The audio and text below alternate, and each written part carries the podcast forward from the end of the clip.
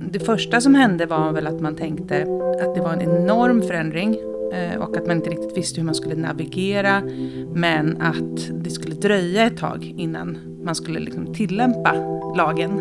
Jag minns dagen när vi insåg att syrier inte skulle få återförenas med sin familj.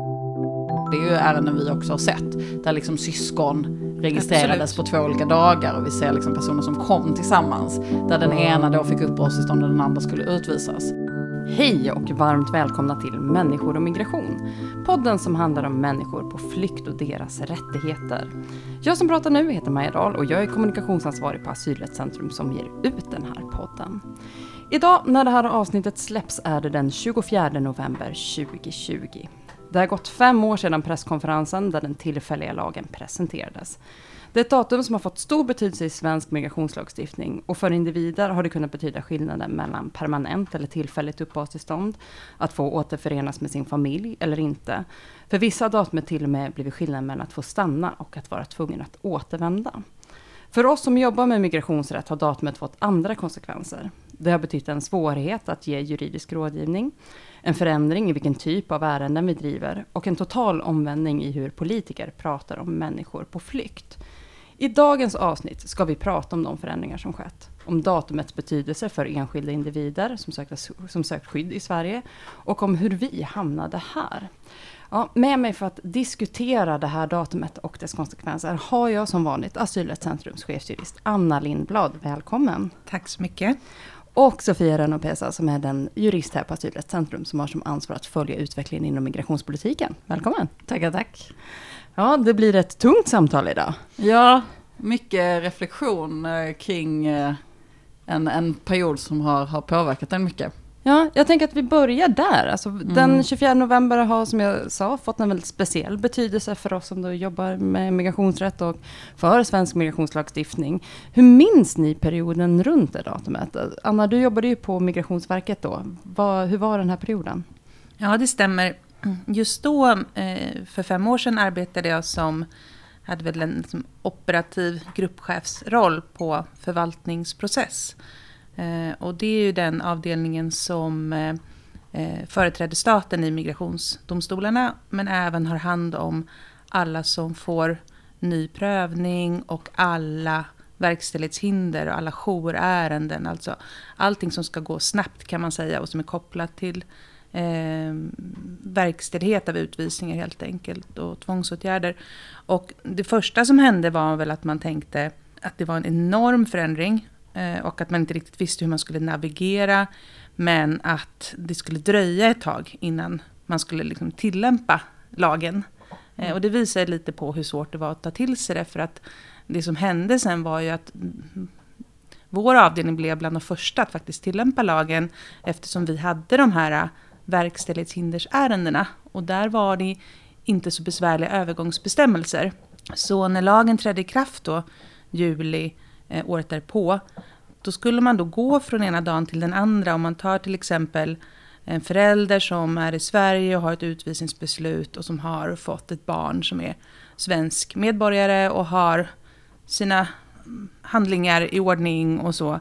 Eh, de brukade vi bevilja permanent uppehållstillstånd för att det finns ju då lag och praxis som säger att de inte i alla lägen behöver åka hem för att söka ett tillstånd. Eh, men från den ena dagen till den andra då, då, då var det tillfälliga uppehållstillstånd på 13 mm. månader. Eh, och, det var ju en jättestor förändring att landa i och då var det också just det. Eh, för alla de som fick de här tillfälliga uppehållstillstånden, då fanns det helt plötsligt ett passkrav. Och så vidare och så vidare.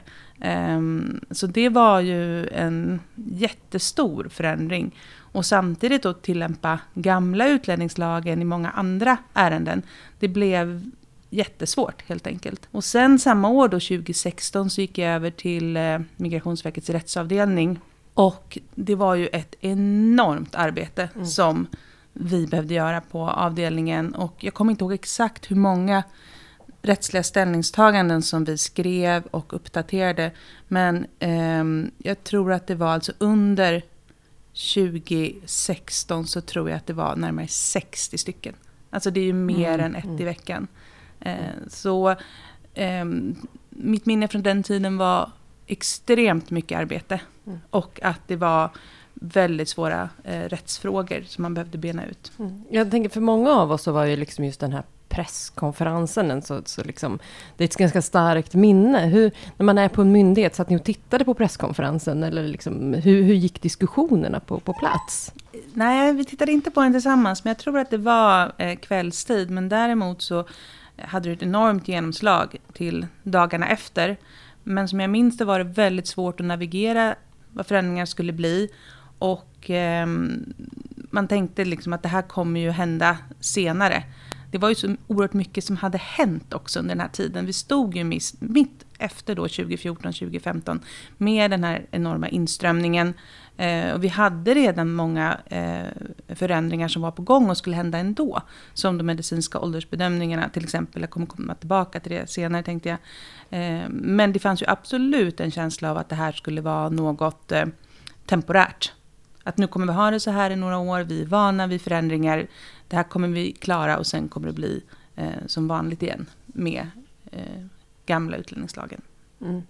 Jag tänker Sofia, du jobbade på byrå när det här hände. Ja, jag eh, tog examen 2015. Eh, Bra timing. Så att, eh, det var ju verkligen inne i, i en ganska märklig period. Eh, jag jobbade på en advokatbyrå då och hösten där är verkligen en period jag minns eh, som hade en ganska stor påverkan på mig. Det var ju eh, en enorm eh, det påverkade ju ens liv, alltså långt utanför ens, ens yrkesvardag. Det var ju man slöt ju upp i att så här, ge gratis juridisk rådgivning liksom på, ja men det fanns ju på, på centralstationen, det fanns också på andra, andra platser så att man mötte ju personer på ett annat sätt precis när de kom till Sverige och Eh, ja, men jag har flera minnen liksom av eh, samtal jag hade med personer eh, just som hade kommit nyligen, liksom bara kommit till Sverige och försökte förstå vad som hände och ja, men, små, små barn i så otroligt utsatta situationer när man inte vet någonting om vad som ska hända och förstår inte riktigt situationen. Och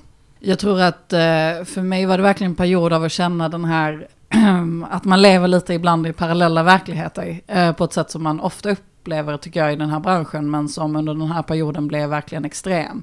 I att man, man möter verklig, alltså man möter världens lidande enormt nära en själv. Och sen så kan man på något sätt gå ur den bubblan och vara i en sfär där ingen på något sätt påverkas av det eller ingen reagerar av det. Och det var en, en otroligt märklig upplevelse. När presskonferensen hölls så, så var det ju otroligt mycket förvirring. Alltså vi hade ju pågående ärenden då Eh, som man ju så att säga var tvungen att argumentera i och fortsätta driva.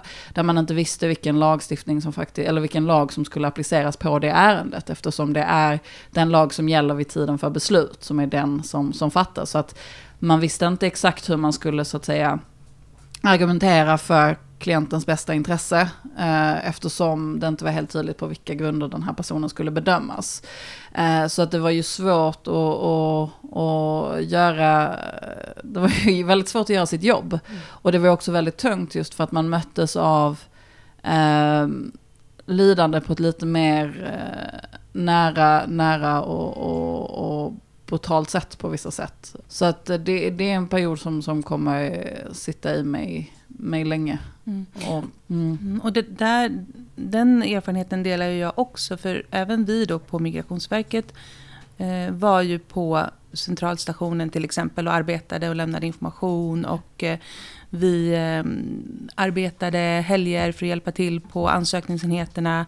Eh, så det där tror jag är en erfarenhet som vi har tillsammans, vi som jobbade de här åren, att eh, eh, även om man arbetar med asylsökande och andra eh, migranter dagligen har gjort det länge så var ändå eh, 2015 speciellt just mm. att man eh, kom i en jättenära kontakt med de sökande som kom då.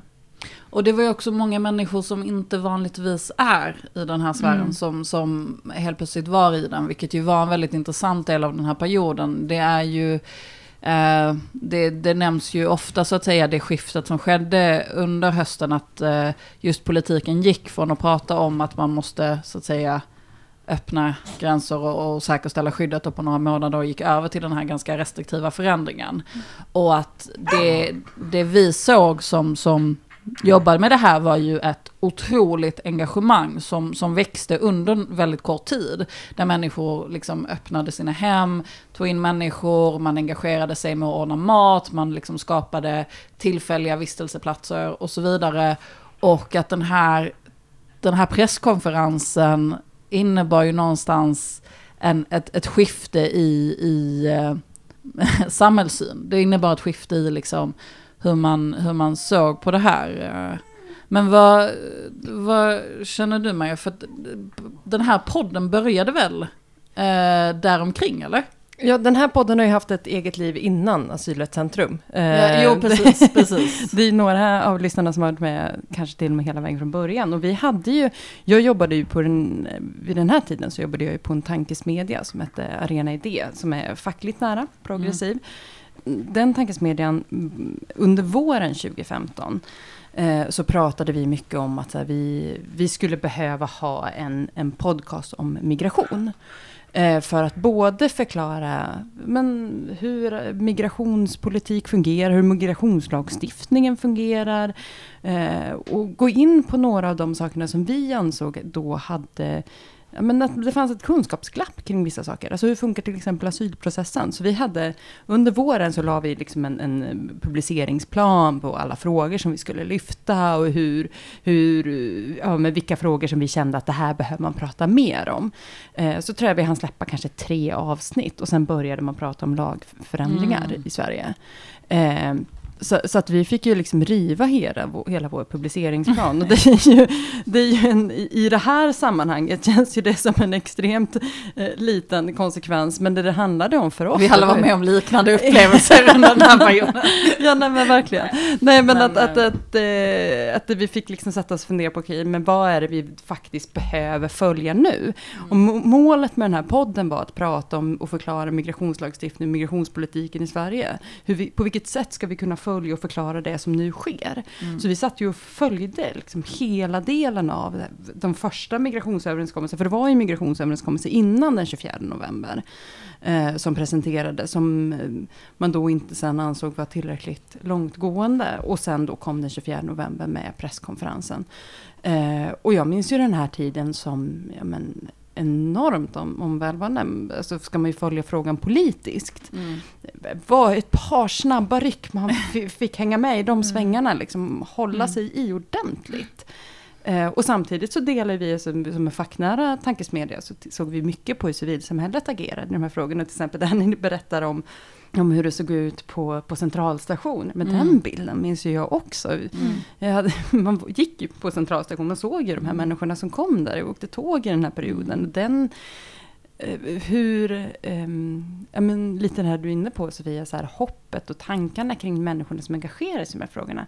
Hur det förändrades när man såg att så här, oj, ska Sverige stänga? Mm. För Ja. det, var ju, det var ju en tydlig känsla. Så här, Ja. Sverige ska ändra hela sin migrationslagstiftning. Vi, vi ska ha ett andrum. Eh, och hur det då också förändrade personer som engagerade.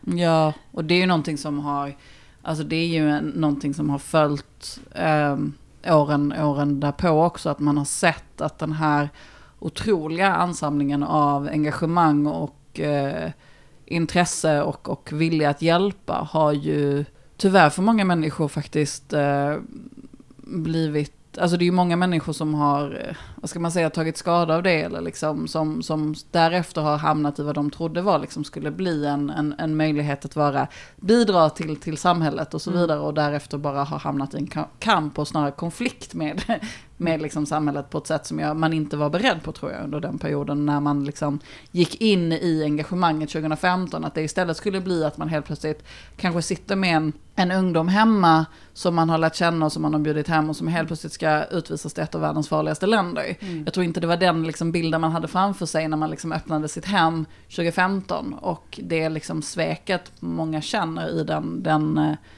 delen har ju, ja men det har varit tufft att följa för vi är ju i kontakt med många så att säga kontaktpersoner som, som behöver hjälp och försöker förstå. Och det har man ju sett att det har blivit en väldig eh, en annan insyn i, i vad migrationsrätten är. Eh, på ett sätt att den har kommit närmare människor på ett sätt än vad den kanske gjorde förr. Mm. Mm. Precis, och, och, och, vi brukar ju också ge det rådet att det är ju svårare att engagera sig i de här frågorna än vad man kanske tror. Jag menar, vi har arbetat med det här jättelänge, vi fyller 30 år nästa år och engagemanget i ärendena för de här personerna, det kräver ju väldigt mycket både eh, tid och energi men också kunskap. Eh, men någonting som man också såg det var ju de här lokalföreningarna, till exempel Röda Korset, Röda Barnen eh, och inte minst Svenska kyrkans arbete.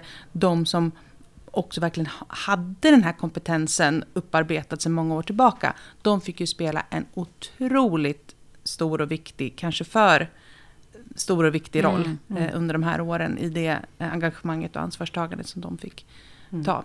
Men, men när vi ändå pratar om engagemang så vill jag ändå ta upp lite en sak jag tycker är en av de kanske, så om man nu ska prata om liksom fina, fina aspekterna, är att jag upplever faktiskt att när det kommer till eh, juridikens värld så tror jag att 2015 var ett, ett startskott för, eh, vad heter det, studenters och jurister överlags förståelse för migrationsrättens eh, viktig, alltså migrationsrättens eh, relevans och sådär. Ja, Migrationsrätten har ju alltid varit lite av ett lågstatus eh, vad heter det, område i, inom juridiken och folk har inte tyckt att det är riktig juridik och så vidare.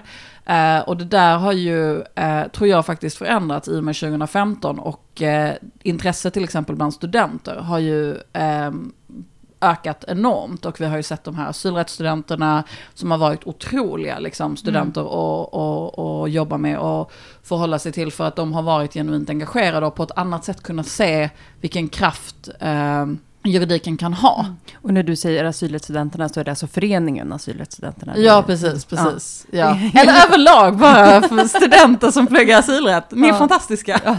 Nej, men jag tänker att det inte alla som eh, känner till att det faktiskt, för de bildades väl 2000? Ja, jag tror det, precis. Uh, ja, men det, och det har funnits lite föreningar runt om i, i Sverige och uh, men jag tror också att överlag så tror jag att det finns en del, det har också öppnat upp för eh, relationer till liksom, rörelsejuridik. Alltså att, att jobba med juridik som en del av en liksom, påverkansarbete och så vidare. Jag tror att en del av det faktiskt har fått sig en rejäl skjuts mm. av 2015. För att man såg hur, hur, nära kopplat politiken och juridiken ändå är och hur viktigt det är att det finns människor som, som skyddar rättighetsfrågor med, med juridiska medel. Mm. Uh, så att jag, jag, tror att det är faktum att vi faktiskt ser en liten förändring och, och, och, och påverkan kring rörelsejuridik i Sverige tror jag faktiskt till viss del kommer av uh, det här. För att jag tror att de asylrättsstudenterna som eller de juriststudenterna som har liksom någonstans växt upp med, med 2015 i minnet, har en annan relation till juridik än vad eh, många generationer tidigare hade. Ja, men så är det absolut. Och jag kan bara säga, när jag läste specialkurs i migrationsrätt hösten 2001, då var vi tio personer och mina kursare var helt förfärade. Tyckte synd om mig och var så här, ja. Ah. Anna vi trodde du hade jättebra betyg, var det här den enda kursen du kom in på? Ehm, eh, men vi föreläser ju på eh, specialkurser i migrationsrätt på mm. eh, de stora eh, universiteten och det är ju fulltecknade kurser nu. I Stockholm så är det ju, om inte den mest eh, populära specialkursen.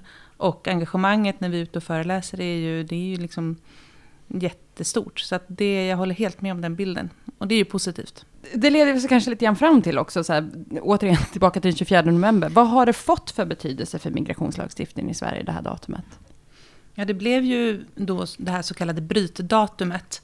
Eh, och betydelsen av att man hade kommit och sökt asyl före eller efter det här datumet fick ju betydelse sen för vilken lag som skulle användas och senare också jättestor betydelse för de olika gymnasielagstiftningarna.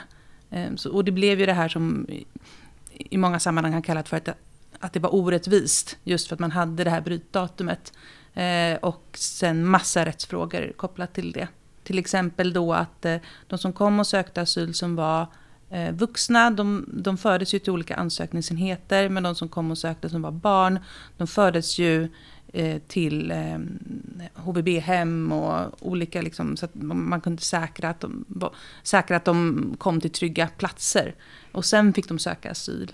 Eh, och det var ju en jättebra tanke, men det ledde ju till att de, många då kanske kom före datumet men sökte efter, vilket man så småningom försökte lösa med eh, rättslig styrning som kanske lättade upp det för vissa men in, definitivt inte för alla.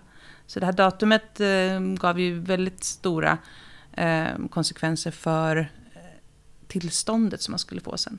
Mm. Men det tycker jag är så sjukt med eh, att just använda, presskonfer alltså att använda presskonferensen på det här sättet. För att eh, det är klart att alla, alla lagar är godtyckliga i det att så här, någonstans måste ju den nya lagen träda i kraft och någonstans kommer det alltid finnas en brytpunkt. Men den här brytpunkten omöjliggjorde för människor att eh, planera eller förbereda sig i relation till det. Mm, ta tillvara sina det, rättigheter. Ja men precis, mm. för att så här, om, om lagen hade trätt i kraft under sommaren och det var det som var brytdat, brytdatumet, ja men då hade man ju vetat att här, jag måste söka direkt direkt, även om ingen hjälper mig, alltså den informationen hade gått ut. Men eftersom ingen agerade med vetskapen om att 24 november skulle komma eller att det skulle hända, så var det heller ingen som kunde tillvarata sina rättigheter eller säkerställa till exempel, jag kommer behöva säkerställa att jag har kvittot från när jag kom till Sverige, jag kommer behöva ha den här biljetten, jag kommer behöva bevisa när jag kom till Sverige. Och den typen av lagstiftning eh, slår ju mot liksom så här lite grundläggande rättssäkerhetsprinciper om liksom förutsägbarhet och möjligheten för en individ att kunna anpassa sitt beteende i relation till vad som händer. Um, för att det är ju um, det är ju, det är ju självklart att så här, saker behövde gå fort utifrån den beskrivningen som, som fördes fram. Men just att ta ett datum på det här sättet, anledningen till att det blev så orättvist, är inte bara för att det fanns ett datum. För det finns det alltid. Mm. Utan det är just det här att det slog så hårt. Alltså det är ju, det har ju upprepats i, i media flertalet gånger, men det är ju ärenden vi också har sett. Där liksom syskon registrerades Absolut. på två olika dagar och vi ser liksom personer som kom tillsammans. Där den ena då fick uppehållstillstånd och den andra skulle utvisas. Och det är ju, det är ju ett så väldigt tydligt konkret exempel på en, en väldigt godtycklig liksom, inarbetning. När man då företräder de här människorna, eh, hur förklarar man det? Det har ju överlag varit otroligt konstigt under den här perioden att man har kunnat ge så otroligt lite svar kring vad som komma skall. Alltså som sagt under den första perioden när man är så här, ja jag är inte helt säker på hur du kommer bedömas. Jag vet inte om du kommer få permanent uppehållstillstånd, jag är inte helt säker på hur långt uppehållstillstånd du kommer få. Alltså de här sakerna har ju varit helt otroligt svåra och egentligen har det fortsatt. Alltså det är klart att den var extrem 2015-16, men vi har ju haft lagförändringar i princip varje år i, i mer eller mindre utsträckning. Uh, och den här frågetecknet har ju fortsatt att man behöver förklara att vi vet inte riktigt vad som ska hända och vi vet inte riktigt vad det innebär för dig. Mm. Jag, jag, tänker också, um, jag som jobbade på Tankesmedjan när det här hände, uh, vi satt ju också när det presenterades, att man förstod liksom att det skulle bli ett brytdatum, man förstod att den här lagen skulle komma. Men så såg man ju också att så här, remissinstanserna är extremt kritiska, så att det kanske finns en liten, ett litet eh, vad ska man kalla wiggle room, alltså att det finns liksom någon, någon, form av möjlighet att det faktiskt inte blir riktigt som man har sagt och att det finns kanske möjlighet att påverka här och att det fanns också ett hopp i, inom ganska många organisationer att man skulle kunna påverka det här rent politiskt. Upplevde ni samma sak? Alltså jag minns verkligen inte den aspekten. Jag, jag minns inte vad man trodde, alltså jag tror att man var lite i chock under den här perioden. Alltså det var så mycket eh, jobb kring liksom bara att få det här att framgå. Men jag menar, presskonferensen gjorde ju också att det fanns ju ingen möjlighet att det inte skulle gå igenom någonting som var extremt. Sen hur extremt var väl en, en diskussionsfråga, men, men det får man ju säga blev ju väldigt eh, självklart med presskonferensen, att det, det lämnade ju inget, inget utrymme för att inget skulle komma. Eh, så jag tror ändå man, man jobbade utifrån faktumet mot sommaren på något sätt. Och vad, vad som komma skulle liksom. Um, så att det, det blir ju väldigt märkligt just när man sätter en deadline. Vilket är samma sak vi är i nu, liksom. Att, att sommaren måste någonting annat komma därför att inga, i princip inga politiska partier kommer acceptera att gå tillbaka till utlänningslagen. Så vi vet att något ska komma. Mm. Så, så är det ju nu också. Eh, så att jag menar den remissrundan vi ser nu och de förslagen som kommer, det är ju inte under förutsättningen att det skulle kunna bli ingenting. Utan någonting kommer att komma, men vad det är som kommer att komma eh, är det ju kanske fortfarande lite frågetecken kring. Men där så liknar ju lite situationen nu den 2015. Mm. Jag var inte med på den, de första remissrundorna efter då det här med, med brytdatumet, men jag har ju varit med på alla från gymnasielagen och framåt. Och generellt sett skulle jag säga att eh, eh, remissinstanserna har kunnat påverka i mycket av det som gäller just de juridiska delarna och där man ser luckor i lagen och sånt som inte kommer eh, att fungera i praktiken. Och tänker då särskilt på remissvar kanske, ja, dels Migrationsverket men också Sveriges kommuner och regioner brukar ju ha väldigt mycket kring vad som kommer att ställa till problem i praktiken, eh, förvaltningsrätterna och såklart våra egna remissvar. eh, mm. Gymnasielagen var ju betydligt mer av en chock. Den var ju inte alls lika självklar kan man ju säga. Det var ju en annan typ av eh, process skulle jag säga. Eller det, det upplever jag i alla ja, fall. Ja, där var det ju också hela eh, frågan kring den politiska majoriteten och att Precis. lagrådet sågade förslaget. Och det var ju betydligt mer av sån konstitutionell dramatik. Mm. Precis. Nej, men jag tänker, just den här perioden, om man tänker på liksom hur, hur, eh, bilden av att det kunde, vad som kunde ske, så tittar jag från politiskt håll, där jag då var, mm. så, eh, så fanns det ju några saker som jag tror att vi var så här, men det här kan inte gå igenom. Mm. För jag minns dagen när vi insåg att syrier inte skulle få återförenas med sin familj. Mm. När, när kopplingen hos oss när vi satt och pratade om lagstiftningen och hur den skulle se ut och förslaget såg ut och var så här alternativ skyddsbehövande för i första gången den tillfälliga lagen yeah. röstades igenom så fick ju inte alternativt skyddsbehövande rätt till att återförenas med sin familj. Mm. Och när vi insåg att det är ju syrierna. Mm. mm. Det är ju människor från Syrien som flyr kriget i Syrien som mm. får uppehållstillstånd som alternativ skyddsbehövande. De kommer inte få återförenas med sin mm. familj. Och när vi kom på det och satt och tittade på varandra och var så här, nej men det här måste ju vi prata om. Och här kan vi också så här, utifrån så här politiska samtal, vi förde sådana samtal med riksdagsledamöter. Nu tänker jag inte hänga ut någon med namn. Men det var ju vissa som sa emot oss. Det visade sig, men det här, det, det här kommer att få konsekvensen. Syrier kommer inte få återförenas med sin familj. För det var syrier var ju en sån grupp som man då också pratade så mycket om deras rätt till skydd och deras behov av skydd. Det var som klassiska så att säga, krigsflyktingar på något sätt. Ja men verkligen. Mm. Och när vi då sa att de kommer inte få återförenas. Och vi möttes av personer som då skulle rösta igenom det här lagförslaget som inte hade förstått det och som inte gick med på den beskrivningen. Det kom ja, ihåg det... som en sån chock.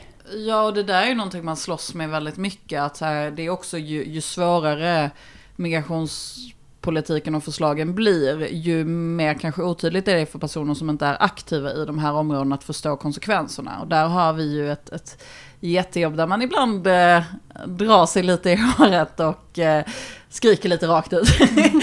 Just för att här, eh, det finns luckor som kan få enorma konsekvenser. Att, eh, jag kan uppleva att ibland politiker skiljer mellan liksom, den juridiska verkligheten och den politiska verkligheten när juridik faktiskt är Eh, det som, eh, det enda man kan liksom jobba med. Jag tänkte på det som du sa Anna, i början om att så här, inställningen då var hos många att det här kommer bara vara tillfälligt. Det var ju också många som sa så här, men, men går man och, och gör sådana här extrema förändringar så vänjer man sig vid de extrema förändringarna och sen så blir det det nya normala. Och det, det skedde ju bara efter de här tre åren. Egentligen skulle ju lagen bara vara till två år först, och så skulle man förlänga efter en utvärdering den utvärderingen gick sådär. Um, och då är det ju liksom då när man skulle förlänga den, då var ju alla så vana vid att det här var det nya normala. Uh, medan alla liksom remissinstanser gick ju hårt åt på att så här, ni lovade tre år. Enda skälet till att det kunde vara så undermåligt förarbeten, enda anledningen till att det kunde vara så dåligt gjort var på grund av att den bara skulle vara i tre år. Uh, och det var ju för att man skulle gå tillbaka. Och då har vi ju mött uh, ibland politiker som beskriver att Nej, nej men vadå, tanken var ju aldrig att gå tillbaka. Och det är ju en, en upplevelse man kan ha nu som mm. politiker eftersom man har följt och vant sig vid det nya normala. Men jag menar, det är inte en verklighet som, som har existerat i våra domstolar. Det är inte en verklighet som har fokus, existerat i, i ärendena. Därför att när en domstol ska förhålla sig till um, om en lag ska gälla eller inte, så kan de bara titta på övergångsbestämmelserna och säga när den här lagen tar slut, då ska vi gå tillbaka till utlänningslagen. Så när du inte får träffa din familj, så är det någonting som kommer upphöra om några år bara. Och då kanske det är okej okay för oss att, att eh, begränsa den här rätten nu. Medan när man gör en förlängning och den begränsningen förevigas så eh, ser, sitter man ju i en helt annan situation. Mm. Så att det här med att liksom förstå att de juridiska liksom, beskrivningarna är någonstans den verkliga politiken ibland är någonting som inte helt har gått hem hos, hos eh, vissa och som borde förstå det tydligare. Mm. Och just om man liksom, jag som lever mycket mer i den juridiska världen då än den politiska, eh, jag kunde inte se eh, någonting annat än att det skulle vara två år. Eh, som skulle vara då, under en tvåårsperiod så fick de alternativt skyddsbehövande vänta. Och sen skulle det gå igen, för att längre än så är ju inte möjligt. Men det var ju många krokar innan man kom fram till det. Mm. Mm. Vad skulle ni säga har hänt sen då, den 24 november? Alltså hur, hur har utvecklingen sett ut? Mm. Ja, då måste vi prata om gymnasielagen. Och, eh, för det var ju det som lämnades öppet, en av delarna som lämnades öppet i den tillfälliga lagen var att man skulle hitta någon slags lösning då för eh, personer under 25 år som inte hade en gymnasieexamen. Eh, för det är det som krävs för att man ska kunna få ett permanent uppehållstillstånd. Och då, julen 2016, så kom ju förslaget, första förslaget till eh, den så kallade gymnasielagen. Eh, som hjälpte en del, men inte så många. Och sen ett år senare så kom ju då det som kallas för den nya gymnasielagen. Eh, så det är ju en, som, det är något som har präglat eh, efter då eh, tillfälliga lagen väldigt mycket. Och, som fortfarande gör det väldigt stor utsträckning. Men någonting också som, som jag tycker är viktigt att komma ihåg och som jag nämnde inledningsvis, det var ju att där hösten 2015 så var det ju väldigt mycket som pågick. Som sagt, vi hade en enorm inströmning, jättemycket asylansökningar. Man förstod att handläggningstiderna skulle dra ut på tiden väldigt mycket. Och sen under 2016, då kom ju det här förslaget om eh, att man skulle fatta tillfälliga beslut om ålder som skulle kunna överklagas separat och till det skulle det finnas medicinska åldersbedömningar.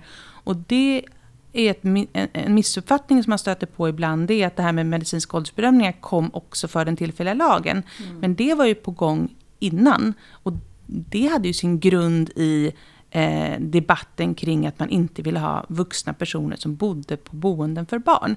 Det var ju grunden till det. Eh, så det var ju väldigt mycket som pågick när då hela den tillfälliga lagstiftningen kom. Eh, som, som gjorde att man hamnade i så otroligt mycket nya, ny lagstiftning och nya metoder och processer på en och samma gång. Mm. Så jättemycket barn, ny lagstiftning, eh, medicinska åldersbedömningar och gymnasielagen samtidigt. Jag skulle vilja säga någonting om, om alltså förändringen i vad vi uppfattar att syftet med en utlänningslag är. Alltså syftet med så att säga utlänningskontroll.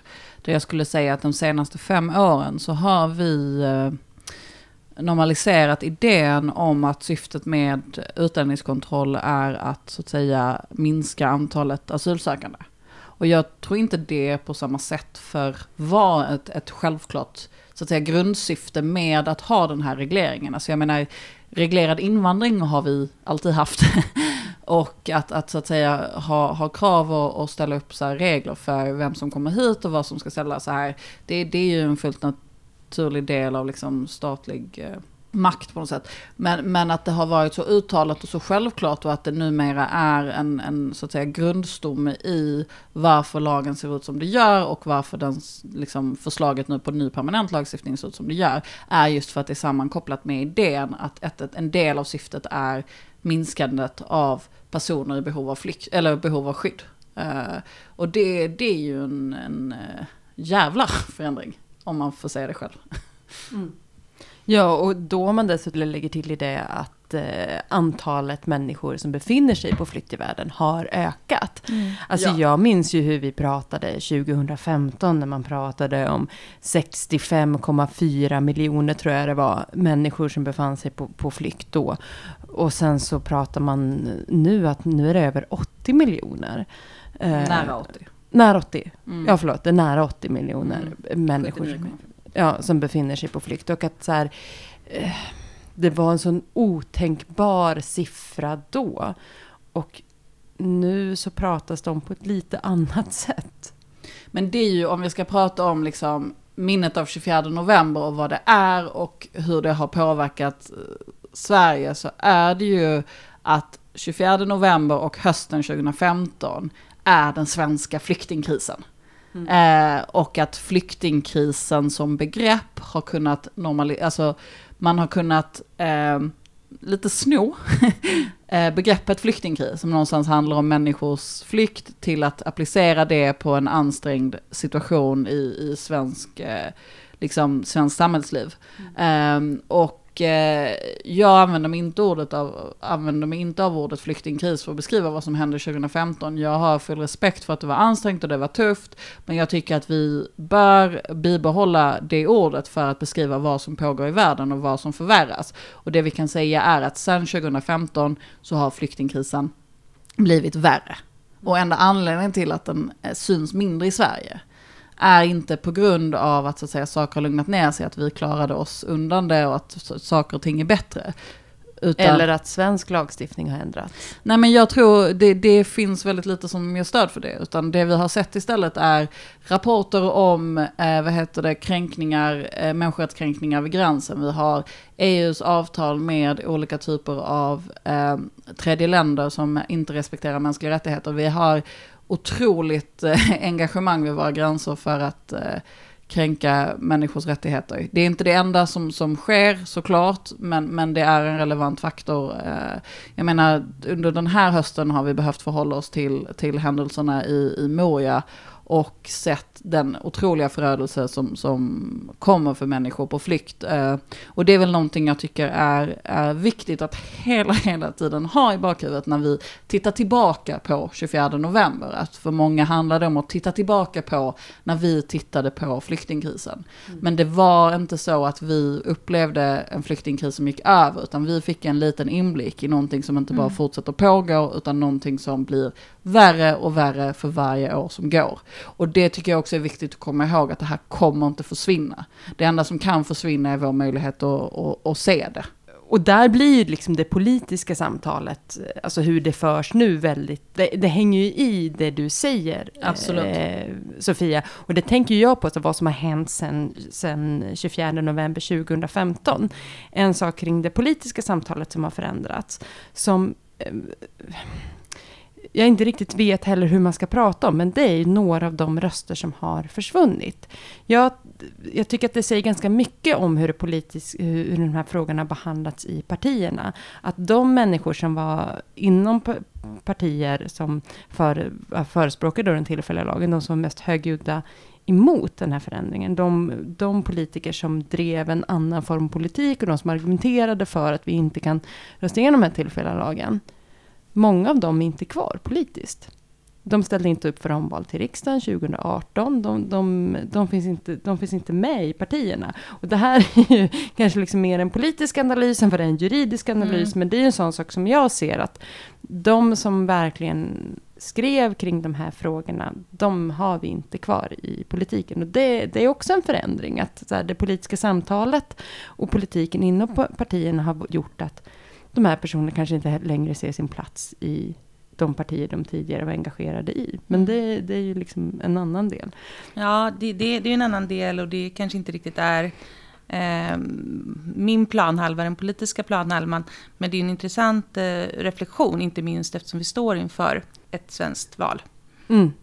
Ja men verkligen. Och vad som ska komma där. Men nu har vi pratat ganska mycket om kritik mot lagstiftningsförändringarna och, eh, och den tillfälliga lagen. Men finns det någonting som ni tycker har blivit bättre sedan den 24 november?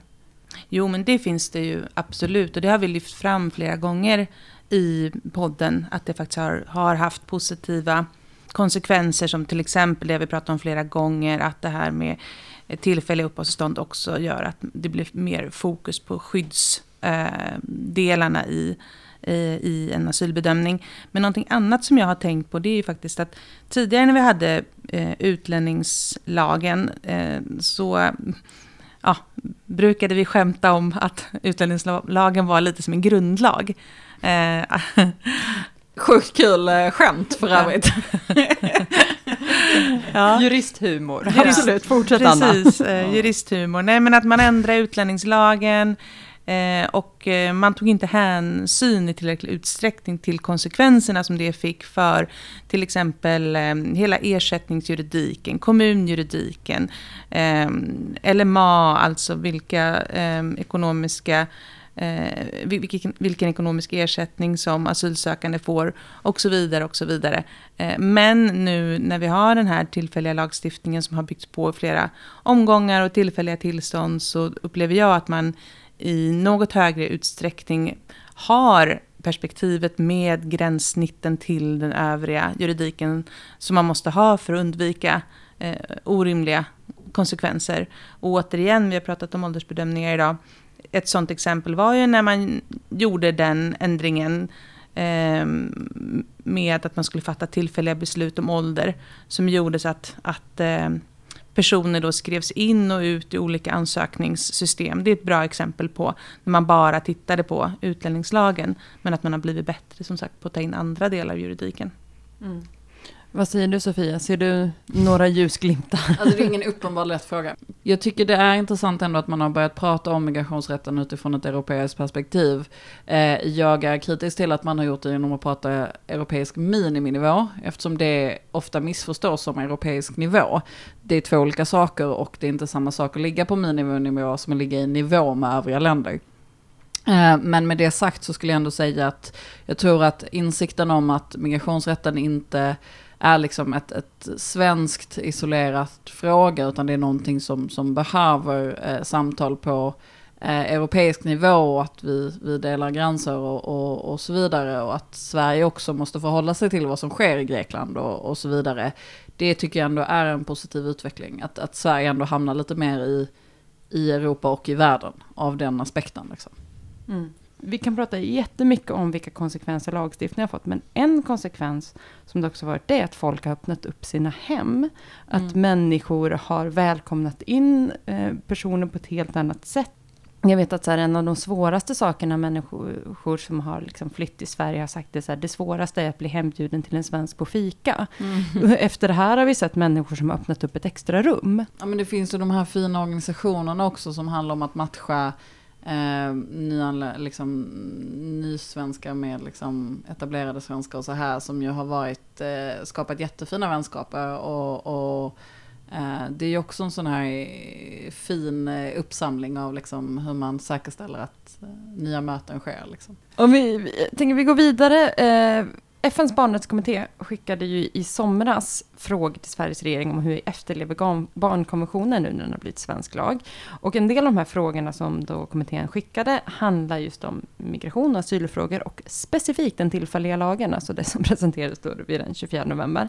Man vill bland annat höra hur barns rättigheter har påverkats av den tillfälliga lagen, hur deras tillgång till, eller hur deras hälsa och utbildning eh, har påverkats. Eh, vad innebär det att barnrättskommittén ställer de här frågorna, Anna? Eh, barnrättskommittén gör ju regelbundna ja, undersökning kan man säga som ingår i deras uppdrag av hur stater eh, lever upp till kraven i barnkonventionen. Och eh, senast som gjorde det var 2015 och det blev väldigt uppmärksammat eftersom barnrättskommittén riktade ganska skarp kritik mot Sverige. Eh, och eh, det som händer då det är att Eh, Eh, barnrättskommittén kommer med rekommendationer av vad de tycker att Sverige ska göra och sen så följs det upp eh, med att Sverige får besvara vad man har gjort.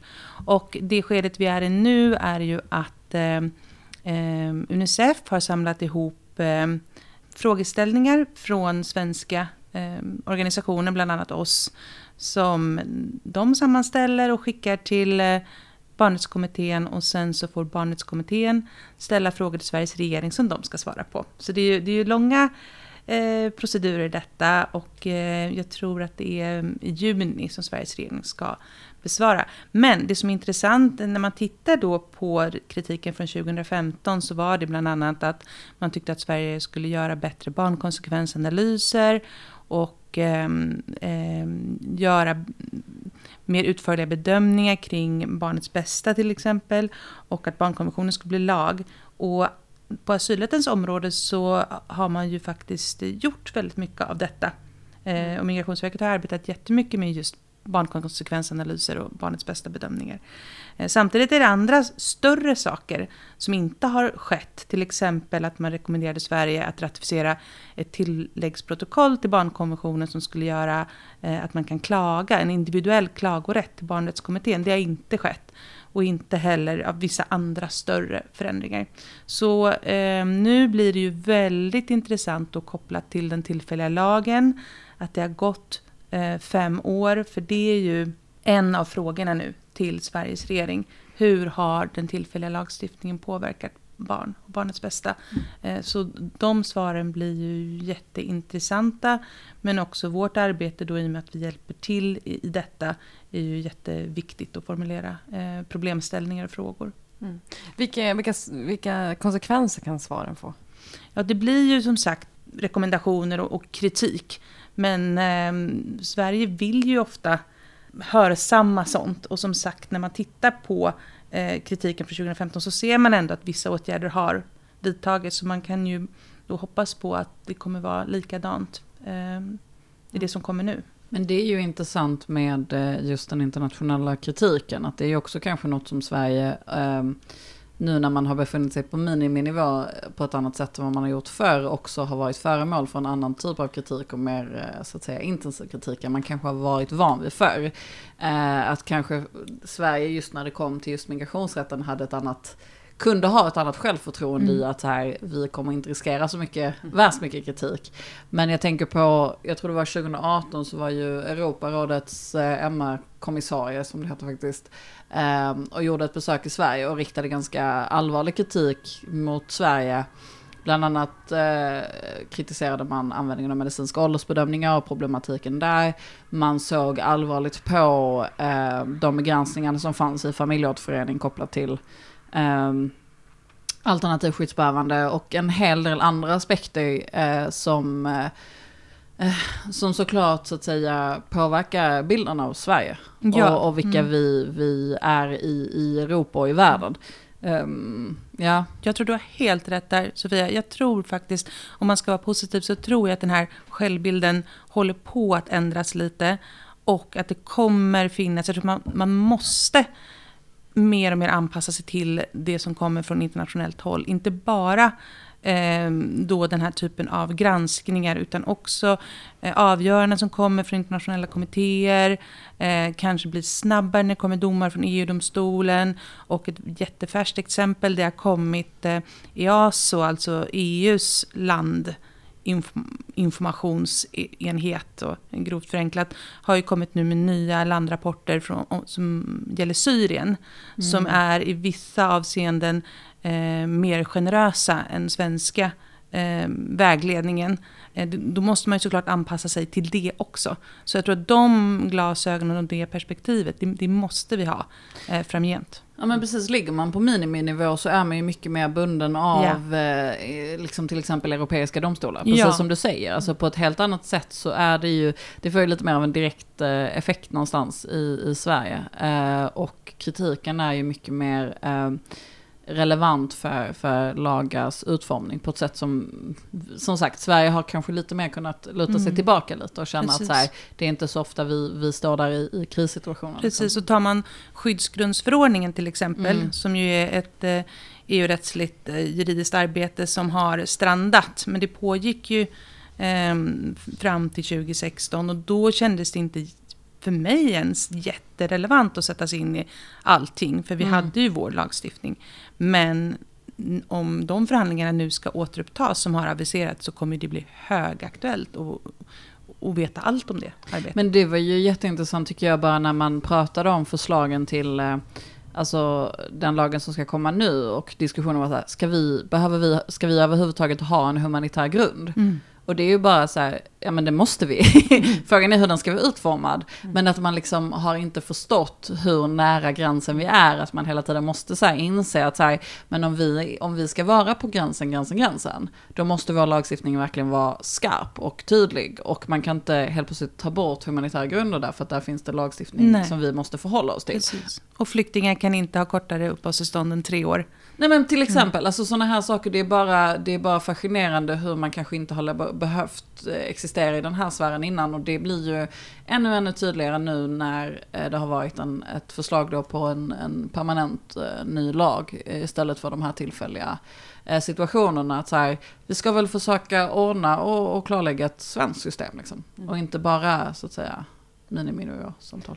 Ja, och det jag tänker också kring det här, och det här kanske är från ett annat perspektiv så, men ändå att eh, när den tillfälliga lagen röstades igenom så fanns det ju där, precis som du sa tidigare Sofia, att, att man skulle utvärdera lagen efter två år. Eh, och den utvärderingen gjordes ju aldrig. Nej. Eh, och i det här, när då eh, FNs barnrättskommitté ställer frågor som handlar om information om hur den här lagen har påverkat barn, så får man ju ändå en liten utvärdering. Alltså mm. Alltså man får det i alla fall ur en, en bit av kakan. Så, så ja. det finns ju ändå information där som också är intressant för oss som jobbar med de här frågorna, att följa upp och titta på. För det har vi inte fått innan. Absolut. Men jag, jag, det, det, ska jag också säga om vi tänker lite på så här, det, det positiva, eller man ska säga. Jag, jag, tycker ändå att det är värt att också nämna att så här, ofta så är ju perioden, hösten och så vidare, oftast omgärdat av eh, mycket kritik. Men jag tycker också det är häftigt att faktiskt prata om vilken enorm insats som gjordes på, på väldigt många sätt. Och, och det var ju en, en tuff period för många, men också en väldigt fin upplevelse i medmänsklighet och att så här, att Sverige kunde ta det ansvaret och hjälpa så många människor som, som ändå skedde eh, under en tid där ibland asylrätten också blir lite attackerad från olika håll så tycker jag också att det kan finnas en poäng att stanna upp och säga vilken, vilken häftig insats ändå som skedde och vad, vad stort det var för att vara ett del av liksom ett, ett sånt ansvarstagande som det ändå var. Och jag tror att det är, vi ska, inte, vi ska inte glömma det perspektivet. Vi ska inte bara titta tillbaka på den perioden med, med liksom sorg och förfäran som ibland folk gör. Och ibland vill man använda den perioden som ett exempel på något, något fruktansvärt. Men det finns också en viktig, fin aspekt i, i vad som skedde då. Och vad människor gjorde och vilken liksom, medmänsklighet och solidaritet som ändå uppvisades under den perioden. Det är någonting att bära med sig. Mm. mm. Och jag tycker att det är ett bra sätt att göra då det här lilla bokslutet, eller om mm. ska säga, av de här fem åren som ändå har varit. Men vad tror ni, alltså om vi tittar framåt, tror ni att så här, 24 november fortfarande kommer att ha en sån här tyngd om vi tittar om fem år igen? Alltså jag, 24 november upphör ju, eh, har ju fått mindre och mindre eh, påverkan ju längre från datumet vi har kommit eftersom det var framförallt de som kom då eh, som, som påverkades av datumet, eller de som kom innan 24 mm. november som påverkades av datumet.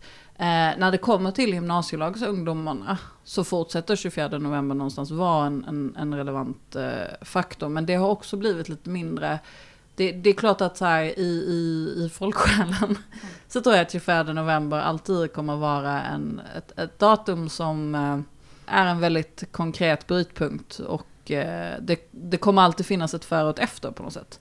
Men, mm. men själva datumets relevans för, för juridiken och påverkan kommer ju minska kontinuerligt. Men, men dess, vad det innebär, den här presskonferensen, för eh, migrationsrätten och synen på migration, det, det, det kommer existera i, i lång tid framöver, mm. tror jag. Ja, och jag tror också att eh, i och med förändringarna som har skett de senaste fem åren så kommer mycket av det som är liksom traditionellt sett har man har menat med migrationsrätt, alltså asylrätt, familjeåterförening, det kommer att ligga på en EU-rättslig nivå. Mm. Eh, och eh, när jag kom till Asylrättscentrum för två år sedan så var en av mina grundtankar var just att vi kommer behöva eh, bredda oss och arbeta med andra frågor eh, i framtiden. Vi kommer behöva ha kunskap om eh, ekonomiska och sociala rättigheter för asylsökande. Man kommer absolut behöva känna till liksom hela ersättningsjuridiken och bosättningslagen, alltså det som, som sagt brukar kallas frågorna, liksom gränssnittet. Eh, arbetstillstånd kommer vara jätteviktigt. Eh, och vi har ju breddat oss eh, och jobbar ju med i princip alla frågor. Och det tror jag kommer ligga i framtiden. Eh, jag tror att det kommer komma färre avgöranden från Migrationsöverdomstolen som rör klassiska asylrättsliga frågor, utan det kommer att, att handla mycket om angränsande frågor och juridik eh, när man arbetar med det här i framtiden. Alltså när vi pratar om 24 november utifrån ett liksom, juridiskt datum så blir det ju liksom inte ja men det blir inte så eh, viktigt, det blir mindre och mindre viktigt. Men Mm. jag tänker, alltså Maja, du som följer de här frågorna och analyserar det mer utifrån liksom, vad ska man säga, ibland lite det politiska spelet. Det var intressant att höra också hur, hur du upplever det, liksom, vad det 24 november liksom står för. Typ. Mm. Jag tror, alltså, precis som du säger, att här, juridiskt sett så kommer brytdatumet inte betyda lika mycket längre. Eh, men ur ett politiskt perspektiv så kommer den här presskonferensen alltid att vara viktig. Och den kommer få eh, en vikt av olika anledningar. Jag tänker att en anledning till att den kommer fortsätta vara viktigt är ju för att det var då liksom svängningen gjordes i den svenska migrationspolitiken. Den andra aspekten till varför det kommer fortsätta vara viktigt var för att Miljöpartiet stod där. För Miljöpartiet är ju ett parti som man nu på många sätt, liksom, ehm, för kanske främst från Socialdemokraterna och Moderaternas håll, liksom kastar emellan sig. Att man liksom från Socialdemokraterna säger att ja, men, den migrationspolitik vi hade innan 2016, den var ju Moderaterna tillsammans med Miljöpartiet som skapade. Det var ju deras fel att det såg ut som det gjorde 2015. Det, det var de som skapade det här. Och man nu från liksom Moderaternas sida när eh, migrationskommitténs förslag skickar ut på remiss med vissa tillägg, pratar om att nu viker sig Socialdemokraterna för Miljöpartiet. Att så här, Miljöpartiet är en liten sån boll man då kastar sig mellan sig. Men samtidigt står man ju också och pekar på att de stod där på presskonferensen. De var med på förändringarna som gjordes 2015 och de var med och presenterade det. Och att de dessutom gjorde det på det sättet de gjorde det, att de gjorde det vad som var tydligt, ytterst motvilligt. Jag tror att, jag vet inte hur många gånger man har pratat om Åsa Romsons tårar. Jag tänker att vi kanske inte ska grotta ner oss för mycket i dem i den här podden. Men att, men att det i sig eh, kommer att fortsätta vara, det kommer fortsätta vara viktigt symboliskt eh, den 24 november, det kommer fortsätta vara viktigt liksom politiskt. Det kommer vi nog inte komma ifrån, även om vi tittar fem år framöver. kommer skrivas in i den statsvetenskapliga historien. Ja men definitivt, definitivt. Och att det kommer, det är ju precis som att det finns liksom vissa citat som, som lever vidare. Så, så är det liksom Mitt-Europa bygger inga murar. Eh, Thomas, eh, Tobias Billströms prat om små blåögda tanter. Alltså det finns ju vissa migrationspolitiska citat, citat som lever som vi kommer ihåg. Och där kommer, när jag pratar med mina eh, miljöpartistiska kommunalråd, den meningen kommer vi också komma ihåg. Mm. Eh, vi som följer mi- migrationspolitiken. Mm. Så det tror jag att det, liksom, det, kommer, det kommer finnas kvar. Och framförallt om man tittar på den migrationspolitik som kommer drivas framöver, så kommer det också fortsätta. Så Miljöpartiets roll i de här frågorna kommer fortsätta vara viktig. Mm. Och hur de andra partierna förhåller sig till dem.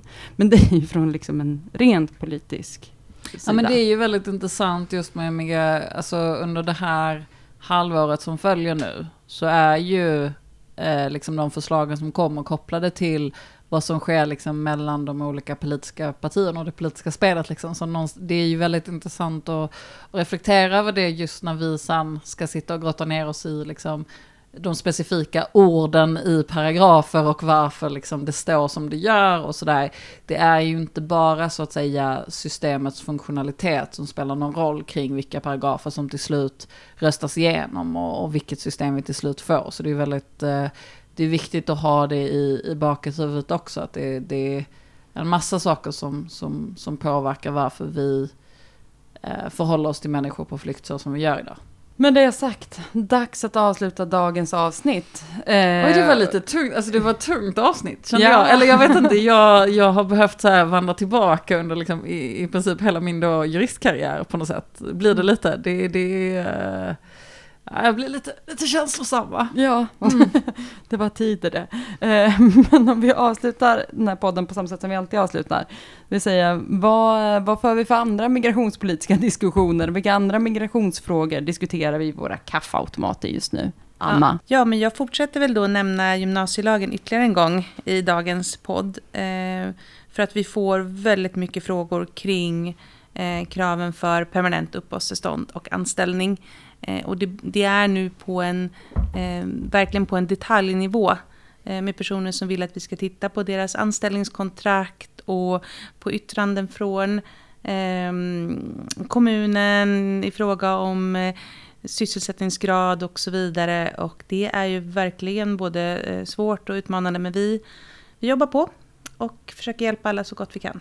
Det är skönt att höra. Sofia? Ja, men för jag egentligen bara säga att det är eh, det här man pratar om. Alltså att det, de här senaste fem åren. Att jag tror att när man, eh, ja, men när jag har snackat med um, personer jag, jag jobbar med om att det är faktiskt fem år sedan 24 november eh, skedde så, så tror jag att det hos, hos alla liksom sker ett litet, någon typ av bokslut eller liksom att man tvingas titta tillbaka över perioderna och vad man har sett och varit med om och svängningarna och alltihopa. Så att eh, det är mycket sam alltså, lite bearbetning typ. Alltså det behöver man ju också i, i det här att liksom förstå att man, man har trott att man har befunnit sig i ett undantagstillstånd eller man har trott att man har befunnit sig i liksom någonting som övergående. Och att nu så är vi ju inne i nästa fas som är att det övergående är det normala.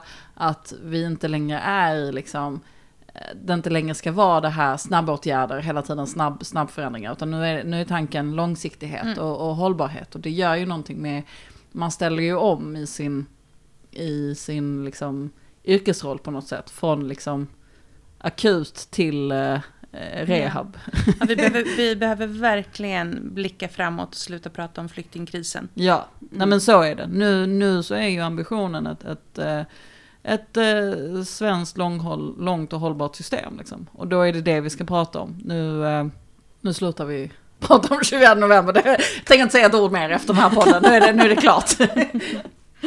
um, på, på, på det temat ändå, just att det är svårt att släppa att det är det här datumet just nu, mm. så kan jag ju säga att jag har inte tänkt på någonting annat, och det här är en tillbakablick om någonting, på Grotescos flyktingmusikal. Alltså, alltså jag har gått hela den här perioden nu och haft de här låtarna på hjärnan, vilket också gör att man blir lite knasig när man helt plötsligt kommer på sig själv med att gå och nynna. Hela Sverige skramlar. Mm. det blir jätteknäppt. Mm. Men, men, jag tror inte det är en allmängiltig upplevelse, utan det är nog mest du. Det är, det är mest ja. i min hjärna som här, de här låtarna spelas. Och, eh, när ja, kom den? Den, den kom, gud när kom den? 2017 kanske? Ja. Den kom, jo det gjorde den, för den kom och sen kom deras eh, avsnitt om Ladies Night, om det kvinnor i, i, ja, det var, jag, jag, kan också säga att, att när flyktingmusikalen kom så stängde jag in några dåvarande kollegor i ett rum och tvingade att titta på den på lunchen. Var en kollega är socialdemokrat och hon lät som att hon fick njurslag genom hela avsnittet. Oh, det var en upplevelse.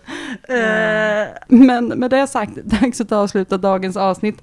Tusen tack Anna och Sofia för att ni har varit med och delat med er av era erfarenheter. Om du som lyssnar har några tankar eller egna erfarenheter av det här datumet eller det engagemanget du hade då eller vart du befann dig då. Dela jättegärna det med oss. Jag tror att vi alla behöver diskutera den här perioden som har varit. Eh, ni kan antingen göra det i kommentarsfältet till det här avsnittet. Eh, på Twitter, kanske använda hashtaggen 24 november så vi kan följa vad som, vad som sägs. Mm. Eller på valfritt eh, socialt media. Eh, dela jättegärna med er, för att jag tror som sagt att vi behöver ha det här samtalet också. Vad, vad, det, vad är det som kom efter helt enkelt? Ja men det vore fint med lite kollektiv bearbetning liksom. Att, att dela lite erfarenheter och, och reflektioner kring, kring den här mm. perioden. Det är, det är fem år nu. Det, mm. det känns. Mm, ja, verkligen. Så gör jättegärna det. Eh, och med det sagt, ni som har lyssnat på det här avsnittet, vi, vi är så glada för att det jag också kan säga är att Asylrättscentrum som är ut den här podden, vi är en ideell organisation. Eh, vi finns till en del, vi, eller vi, vi kan göra det arbete vi gör delvis för att vi får ekonomiskt stöd. Och under corona så har vi, precis som många andra organisationer, påverkats av den delen liksom intäktsmässigt. Och vi ser nu att vi under en period av er lyssnare får Swish för att vi ska kunna göra den här podden. Och det är, det är så himla fint. Och för att vi ska kunna fortsätta göra det så behöver vi också fortsatt få, få det stödet. Så gå jättegärna in om du har möjlighet. Vi är glada för varje liten 50-öring. Så gå in på Asylrättscentrums hemsida och klicka på stöd och så hittar du hur du kan stötta eh, både att vi kan göra den här podden och vår verksamhet i stort. Det är vi jätteglada för. Det Men, finns ju visserligen inte 50-öringar längre va? Varje liten krona Ja, men digitalt jag, jag finns, okay då, okay digitalt finns 50-öringar faktiskt. okay och jag vill inte sätta någon gräns. Ja, men det håller jag med Varje ja. liten krona tänker jag kostar ja, säga. varje liten krona. Med det sagt, tack för att ni har lyssnat och vi hörs igen om några veckor. Hej då! Hej då!